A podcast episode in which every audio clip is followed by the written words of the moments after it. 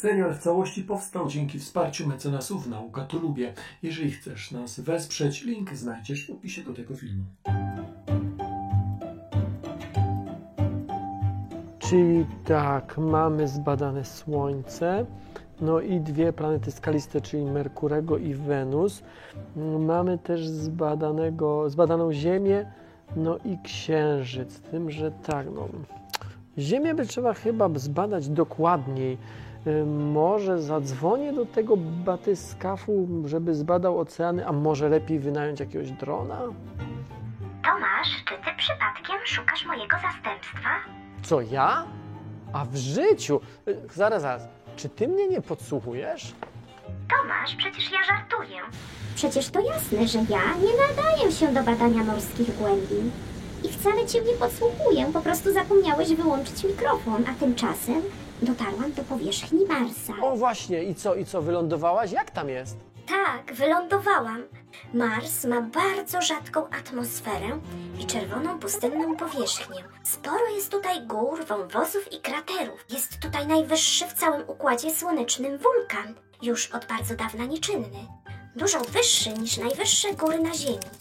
Są też wyschnięte koryta rzek i miejsca, gdzie kiedyś najpewniej były oceany, jeziora i płynące rzeki. No ale skąd wiesz, że to są wyschnięte koryta rzek? Jest tam jeszcze woda?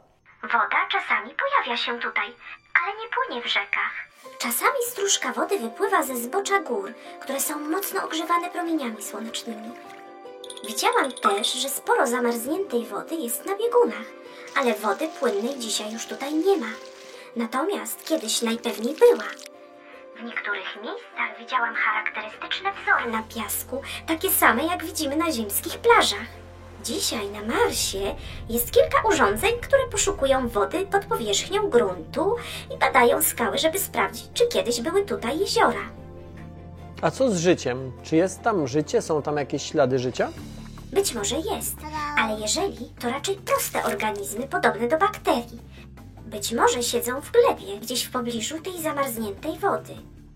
Wiesz, z tą wodą na Marsie to jest bardzo ciekawa sprawa, no bo skoro kiedyś być może tam była, a dzisiaj już jej tam nie ma, na powierzchni jest gdzieś na biegunach może trochę, albo pod powierzchnią zamarznięta, to dokładnie to samo może się zdarzyć na Ziemi. Tej sprawie się trzeba bliżej przyjrzeć.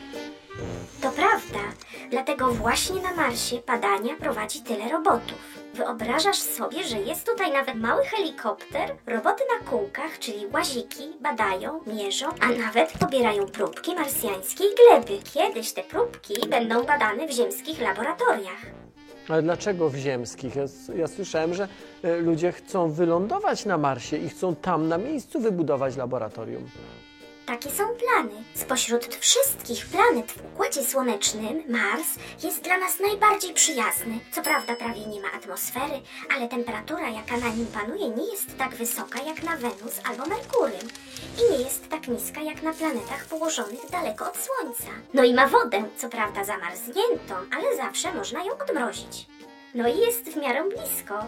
W skali kosmicznej w zasadzie tuż za rogiem. Choć wciąż potrzeba wielu miesięcy na lot w jedną stronę. No, jakoś musimy to przeżyć. No wiesz, no lądowanie na Marsie to wcale nie będzie prosta rzecz, ale, ale nie wiem, czy wiesz, a być może nawet widziałaś, że Mars ma dwa księżyce, Phobos i Deimos. Tak, wiem, ale chyba nie ma na nich niczego ciekawego. Zbadam je przy następnej okazji.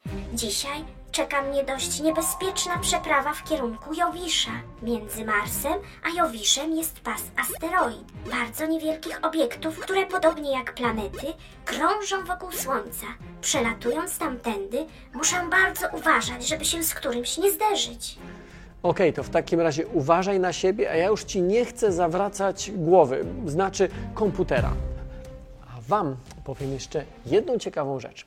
Te obiekty, które znajdują się między Marsem a Jowiszem, czyli w pasie asteroid, są dla nas bardzo ciekawe, bo tak, one są dużo mniejsze od planet i są nawet mniejsze od księżyców, ale być może kiedyś w przyszłości to właśnie na tych asteroidach i planetoidach będziemy budowali pierwsze kosmiczne kopalnie. Być może tam będziemy wydobywali surowce i minerały, które później przydadzą nam się na Ziemi. E, jeszcze jedno.